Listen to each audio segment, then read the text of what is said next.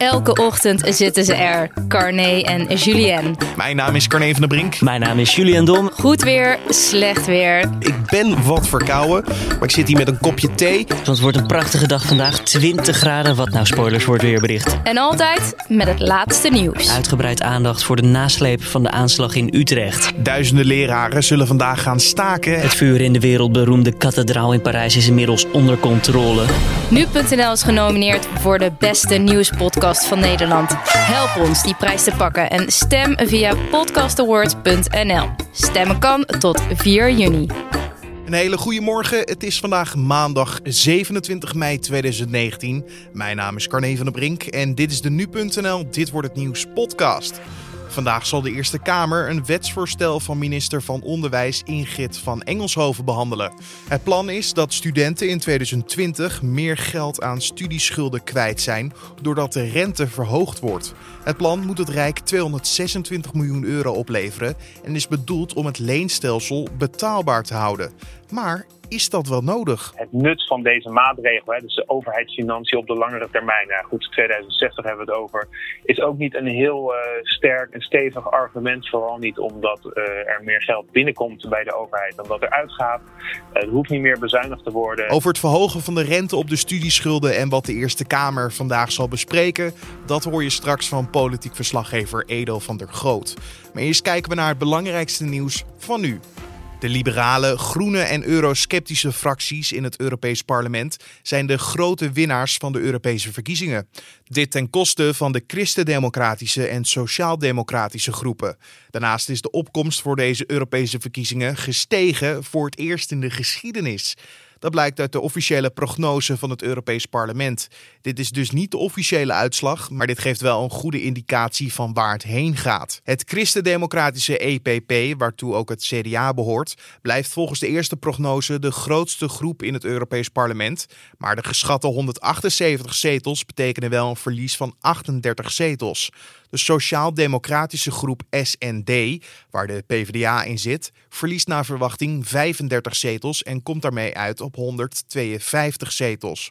Zoals ik al net zei, er is ook een grote winst voor eurosceptische partijen. ENF, waar onder meer de PVV in zit, staat op een plus van 19, waarmee de groep op 55 zetels zou uitkomen. Ondanks het verlies van de twee grote centrumfracties en de winst van de eurosceptische partijen, kan wel gezegd worden dat een meerderheid van het Europees Parlement nog altijd voor een pro-Europese koers is. Zowel in het Verenigd Koninkrijk, Duitsland als Frankrijk krijgen de regeringspartijen het wel flink te verduren. De Britse conservatieven verliezen volgens de prognose flink, net als Labour. De grote winnaars zijn de twee partijen die duidelijk stelling nemen in het Brexit-debat. Dat is de Brexit Party van Nigel Farage en de Liberal Democrats. In Duitsland blijft Angela Merkel's CDU de grootste partij, ondanks een flink verlies. De Groenen daarentegen maken een knappe sprong vooruit en zijn nu de op één na grootste Duitse partij in het Europees Parlement. De partij van de Franse president Macron lijkt tweede te worden na de partij van de radicaal-rechtse Marie Le Pen. We zoomen ook nog even in op Nederland, want de PVV en de SP hebben niet genoeg stemmen gehaald voor een zetel in het Europees Parlement en verdwijnen uit de Europese politiek. Dat blijkt althans uit de voorlopige uitslag die het ANP zondag heeft gepubliceerd. De PvdA wordt de grootste en komt uit op zes zetels. De twee partijen stonden in de exit poll van Ipsos afgelopen donderdag al op een fors verlies. En na het tellen van 98% van de stemmen ziet het er naar uit dat zij het Europees toneel moeten verlaten. Voor de PVV betekent het dat de partij na intrede in 2009 uit de Europese politiek verdwijnt. Voor de SP betekent dit dat ze na 20 jaar afscheid moeten nemen van het Europees Parlement. De Griekse premier Tsipras heeft zondagavond gezegd dat hij vervroegde verkiezingen uitschrijft na de nederlaag van zijn linkse partij Syriza bij de Europese verkiezingen. De resultaten lieten zien dat zijn partij tot 9 procentpunten achterliep op de oppositiepartij Nieuwe Democratie. In een toespraak zei Tsipras dat hij zal gaan praten met de Griekse president over het uitschrijven van de verkiezingen. En dit wil hij onmiddellijk doen na de afronding van een tweede ronde van lokale Griekse verkiezingen volgende week. De leider van de Nieuwe Democratie had het aftreden van Tsipras geëist en zei hij moet zijn verantwoordelijkheid nemen nu hij het mandaat van het volk is verloren. Wil je nou meer weten over de Europese verkiezingen? Kijk dan zeker op nu.nl en in de nu.nl app. Daar vind je een overzicht over alle verdeelde zetels en hoe er per gemeente in Nederland is gestemd. En dan kijken we naar de dag van vandaag, oftewel dit wordt het nieuws. Vandaag zal de Eerste Kamer een wetsvoorstel van minister van Onderwijs Ingrid van Engelshoven behandelen. Het plan is dat studenten in 2020 meer geld aan studieschulden kwijt zijn doordat de rente verhoogd wordt. Het plan moet het Rijk 226 miljoen euro opleveren en is bedoeld om het leenstelsel betaalbaar te houden. We gaan hierover praten met politiek verslaggever Edo van der Groot. Want Edo, waarom willen ze nu de rente op een studielening precies verhogen? Nou, dat is een goede vraag. Uh, vraag die ook uh, zeker leeft uh, Kamerbreed. Officieel is het zo dat de minister van Onderwijs, Ingrid van Engelshoven van D66, die zegt de financiële houdbaarheid van het studiefinancieringsstelsel en de overheidsfinanciën komt het goed uit. Dus met andere woorden, uh, het levert geld op. Ja, want wat levert het dan op uiteindelijk als je het verhoogt? Nou, uiteindelijk uh, voor studenten uh, kost het natuurlijk geld. Want zij gaan gewoon meer rente betalen over een studieschuld. Dan zijn er wat sommetjes gemaakt. En als je dan bijvoorbeeld kijkt naar de gemiddelde studieschuld van 20.000 euro, wordt dat 5.000 euro duurder. Dus 5.000 euro meer rente. Wel verspreid over 35 jaar, maar goed, dan nog 5000 euro. Voor de schatkist, voor het kabinet, levert het in totaal 226 miljoen euro op. Uh, maar dat is vooral pas beschikbaar op de langere termijn, want het wordt wel in stapjes verhoogd en ze krijgen er steeds ietsje meer geld bij. Maar die 226 miljoen uh, krijgen ze pas in 2060. Het was eerst een gift natuurlijk, de, de, de stufie. Zo zullen studenten het eerder herkennen. Nu is het echt een lening die je moet afsluiten en het later terugbetalen. Dat kan natuurlijk wel in heel veel jaren, maar uiteindelijk het blijft een lening. Dus je hebt een schuld. Maar hoe zit dit probleem, dit leenstelsel, binnen de coalitie? Ja, als je het echt inderdaad eerst nog over die uh, rente hebt, hè, waar de Eerste Kamer vanavond dan over gaat uh, debatteren. Uh, daar is de coalitie wel, coalitie wel echt over verdeeld hoor. je merkt dat bijvoorbeeld D66, die neemt er eigenlijk openlijk wel afstand van. Uh, die zeggen ook gewoon volmondig: het is een voorstel dat uit de koker kwam van CDA en de ChristenUnie. Uh, ik heb bijvoorbeeld uh, D66-fractievoorzitter Rob Jet een paar maanden geleden over gesproken. En die zei van ja, ik vind het een van de lelijkste dingen uit het regeerakkoord als het om onderwijs gaat. die zegt ook ja, als ik een pot met goud vind, dan, dan is dit het eerste wat ik ga afschaffen. Dus het is gewoon een geldkwestie. Ze staan er ideologisch helemaal niet achter. Dus ja, die, die, die verschuilen zich ook niet om, om het daar af te schrijven op de coalitiepartners. Twee weken geleden was er nog een debatje in de Tweede Kamer over de toegankelijkheid van het hoger onderwijs. En toen stond dit natuurlijk ook op de agenda. En toen merkte je ook wel dat de coalitiepartijen onderling best wel chagrijnig zijn hierover. want toen werd ook wel duidelijk dat de woordvoerder, onderwijswoordvoerder van D66, ja, die, die nam het eigenlijk eh, CDA en ChristenUnie wel een beetje kwalijk dat zij de studenten opzadelen met een hogere uh, studielening. Dus daar, daar zag je openlijk, en dat gebeurt eigenlijk niet zo heel vaak uh, tijdens debatten, zag je openlijk, openlijk toch wel wat uh, chagrijn en verwijten heen en weer over dit, over dit onderwerp. Ja, want even voor de duidelijkheid, vanavond wordt het dus besproken in de Eerste Kamer. Het is al door de Tweede Kamer heen? En uh, dat was in december, uh, als ik het goed heb. in ieder geval een paar maanden geleden werd het aangenomen in de, in de Tweede Kamer. Het, is, het komt natuurlijk voor uit het regeerakkoord. Hè, dus eigenlijk sinds oktober 2017 weten we al dat dit eraan zit te komen. Goed, de wetsbehandeling is dan, is dan vaak wat later. Maar opvallend is wel, deze coalitie berust namelijk natuurlijk op een kleine meerderheid van één zeteltje. En normaal krijgen ze altijd wel één of meerdere oppositiepartijen eh, steun achter hun, uh, krijgen ze wel uh, steun voor hun voorstel. Maar in dit geval was eigenlijk de volledige oppositie zag dit niet zitten. Dus deze wet is aangenomen met één zetel meerderheid.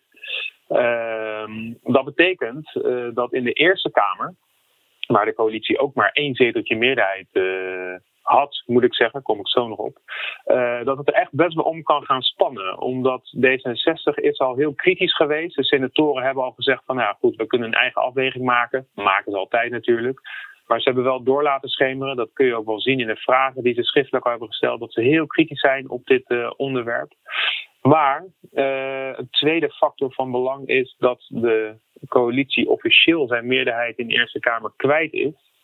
Uh, dat heeft namelijk te maken met dat er een VVD-senator is opgestapt. Uh, omstreden senator Dutler uh, is uit de, uit fractie gezet. ja, goed, en zij kan nu onafhankelijk van de VVD een eigen, eigen afweging maken. Dus ja, de verhoudingen liggen in de Eerste Kamer wat, wat anders. Dus als en D66-senatoren zich bedenken, denken van ja, ik vind dit toch niet zo'n goed plan, want wij zijn hè, de, de, de zelfbenoemde onderwijspartij. Uh, is het natuurlijk best wel ingewikkeld om dan in te stemmen met een uh, renteverhoging uh, voor studenten. De partijen zijn niet de enige die op dit moment vallen over deze nieuwe renteschuld, die studieschuld, die dan uiteindelijk zal worden verhoogd. ik zal ook een artikel linken in deze podcast naar het interstedelijk studentenoverleg en het landelijk studentenrechtsbureau. Zij hebben afgelopen maandag, dus vorige week maandag, geklaagd over deze verhoging en dat het ook echt um, in strijd is met de wet. Dus daar zal ik naar linken. Dan kan je daar dat ook nog even lezen over wat zij er over hebben gezegd. Uh, maar als je kijkt nu naar wat er allemaal wordt besproken en waar die frictie dus zit, wat wordt er nou daadwerkelijk vandaag besproken? Ja, de tijdspad ziet er als volgt uit. Vanavond uh, laat, dus rond een uurtje of zeven, is het zo dat de senatoren kunnen eerst hun vragen stellen aan de, aan de regering. Uh, minister van Engelshoven die, eh, die zit daar dan bij. En omdat dat tot waarschijnlijk wel laat duurt, hebben ze het debat in twee geknipt. Dus dinsdag, morgen wordt het debat hervat. En dan wordt er die week later, dan hebben we het over 4 juni, wordt uiteindelijk definitief gestemd. maar goed, wellicht is aan de inbreng van de D66-fractie is al een beetje ja, kunnen misschien al een beetje afleiden hoe zij erin staan. Uh, en kunnen ze misschien al een beetje, ja, of ze, of ze houden de kaarten tegen de borst en uh, we worden niks wijzer. Maar het zou zomaar kunnen dat deze fractie uh, zich misschien toch wel in de kaarten laat kijken. en dat we al een beetje een gewichtige conclusie kunnen trekken van welke kant het op gaat. Dus dat wordt wel heel spannend. Ja, of ze uiteindelijk met de hakken in het zand gaan en hier misschien een stokje voor gaan steken. Ja, je weet het niet. Ja, tandenknarsend instemmen, dat zal niet voor het eerst zijn. Hè? Dat doen meerdere partijen. Dat hoort nu eenmaal bij een coalitie. Je bent het niet overal mee eens. Uh, maar goed, dit berust op zo'n kleine meerderheid. Uh, het nut van deze maatregel, hè, dus de overheidsfinanciën op de langere termijn, nou goed, 2060 hebben we het over, is ook niet een heel uh, sterk en stevig argument. Vooral niet omdat er meer geld binnenkomt bij de overheid dan dat er uitgaat. er hoeft niet meer bezuinigd te worden. En ja, het draagvlak is zo laag. je noemde die studentenorganisaties inderdaad al, die voeren hier al maanden campagne tegen. Uh, het CDA-congres uh, heeft ook opgeroepen, de, de, partij opgeroepen om tegen dit voorstel te stemmen. Uh, nou ja, goed, van alle kanten wordt er druk uitgeoefend om deze maatregel van tafel te vegen. Je hoorde politiek verslaggever Edo van der Groot. En Kiki Bertens zal om 11 uur in de ochtend beginnen aan het tennistoernooi Roland Garros. De Nederlandse nummer 4 van de plaatsinglijst speelt in de openingsronde tegen Pauline Parmentier. Bertens geldt naar haar goede prestaties op gravel als een van de topfavorieten van dit jaar. En de gekozen leden van de provinciale staten stemmen vandaag over de invulling van de Eerste Kamer. Dat de coalitie de meerderheid gaat verliezen staat al vast, maar reststemmen kunnen partijen een extra zetel opleveren. Forum voor Democratie wordt naar verwachting de grootste partij in de Eerste Kamer. Het proces tegen Harvey Weinstein zal vandaag van start gaan. De Amerikaanse filmproducent wordt vervolgd wegens verkrachting en andere seksuele misdrijven. Weinstein is door tientallen vrouwen beschuldigd van seksueel misbruik.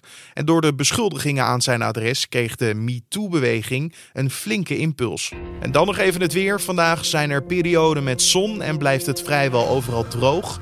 Wel is er de hele dag kans op sluierbewolking.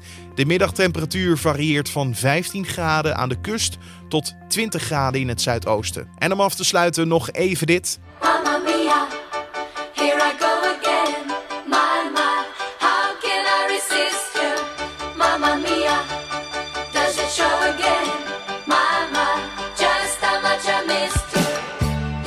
Nieuwe Nederlandse versie van de musical Mamma Mia, die sinds vorig najaar speelt in het Beatrix Theater in Utrecht, is in september voor de laatste keer te zien. Dat heeft directeur Albert Verlinde van Stage Entertainment Nederland zondag bekendgemaakt tijdens de 250ste voorstelling. Die musical, waarin meer dan 20 nummers van de Zweedse popgroep ABBA te horen zijn, heeft inmiddels meer dan 350.000 bezoekers getrokken. En voor producent Stage Entertainment is het de derde keer geweest dat de musical Mamma Mia werd opgevoerd. In het Beatrix Theater zal vanaf februari 2020 de musical Tina over het leven en werk van Tina Turner te zien zijn. Het is nog niet bekend wie de hoofdrollen in deze productie gaan spelen. De voorstelling trekt wel inmiddels al anderhalf jaar volle zalen in Londen. En dit was dan de Dit Wordt Het Nieuws podcast voor deze maandag 27 mei. Je vindt de podcast natuurlijk elke maandag tot en met vrijdag om 6 uur ochtends op de voorpagina van nu.nl en in je favoriete podcast app. En de nu.nl Dit Wordt Nieuws podcast is ook genomineerd voor de Dutch Podcast Awards in de categorie nieuws. Dus wij kunnen de beste nieuwspodcast worden van dit jaar. Dat willen we natuurlijk heel graag. Dus help ons die prijs te pakken door simpel te stemmen. Je kan een link vinden in de podcastbeschrijving. En vergeet ook niet je stem te bevestigen. Je krijgt een mail van de Dutch Podcast Awards en bevestig die dan even. Je kan ons verder ook nog helpen om deze podcast te verbeteren door een mailtje te sturen naar podcast.nu.nl en een recensie achter te laten in iTunes. Mijn naam is Carne van der Brink. Voor nu een hele fijne maandag en tot morgen.